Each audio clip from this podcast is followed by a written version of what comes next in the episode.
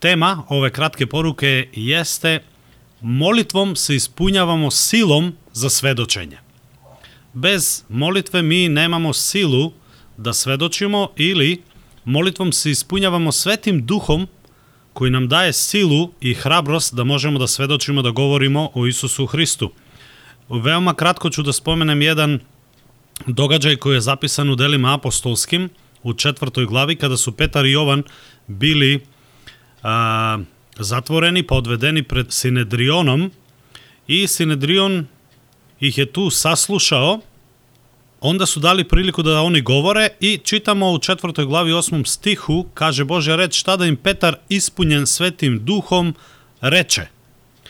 I on je govorio o Isusu Hristu, oni su ga slušali i onda u 13. stihu kaže Božja reč, kada su videli Petrovu i Jovanovu smelost i kada su shvatili da su to neobrazovani i obični ljudi začudiše se, znali su da su oni bili sa Isusom. Vidite, njihova smelost je bila silno svedočanstvo da su oni bili sa Isusom. To što su bili neobrazovani je jedna stvar, obični ljudi, ribar, Petar, međutim, ta njihova smelost i presvedočenje je bilo veliko svedočanstvo da su oni bili sa Isusom. I sećate se ovog događaja, oni nisu mogli ništa da im urade, zapretili su im i pustili su ih i naredili su im da više ne govore ili uče u Isusovo ime. U 18. stihu čitamo u četvrtoj glavi. Onda još jednom i zapretiše i pustiše ih da idu. Онда 23 стих каже ослободжени, Петар Јован одоше своима и извести, известише их о свему што су им рекли просвештеници и старешине. И сада, волео би да прочитам овај оделјак, ова е уствари нихова заедничка молитва. Након што су их пустили, они су дошли код браќа и сестара, И каже надалje 24 реч 24 стих, ако имате Библија, пратите да прочитамо заедно ову нихову молитву.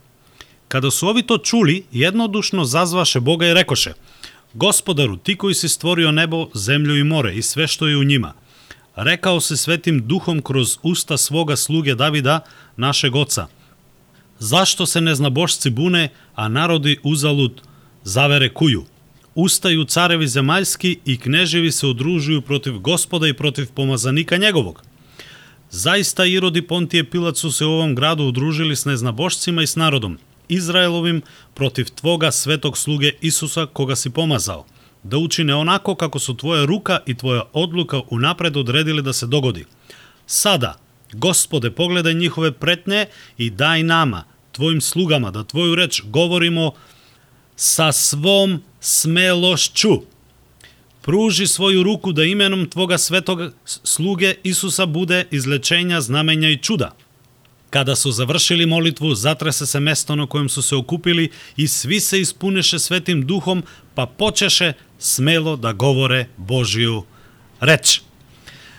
Nisu se uplašili od svega onoga što se izdešavalo njihovoj braći, koji su bili zatvoreni i ispitivani, kojima je bilo zaprećeno da govore o Isusu Hristu i ovi verni ljudi sada iznose pred Bogom celu ovu situaciju, realnu situaciju. Kažu, zaista Irod i Pontije Pilat su se u ovom gradu udružili s neznabošcima i s narodom Izraelovim protiv tvoga sluge Isusa.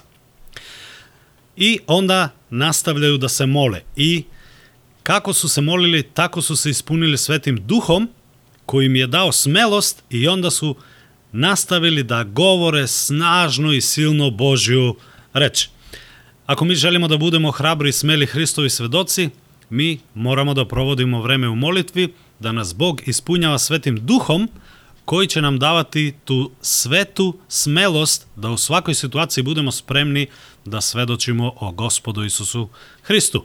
I neka na ovom molitvenom sastanku ovo bude jedna od naših molitvenih potreba da se ispunimo svetim duhom koji će nam dati svetu smelost da možemo hrabro da svedočimo o gospodu Isusu Hristu.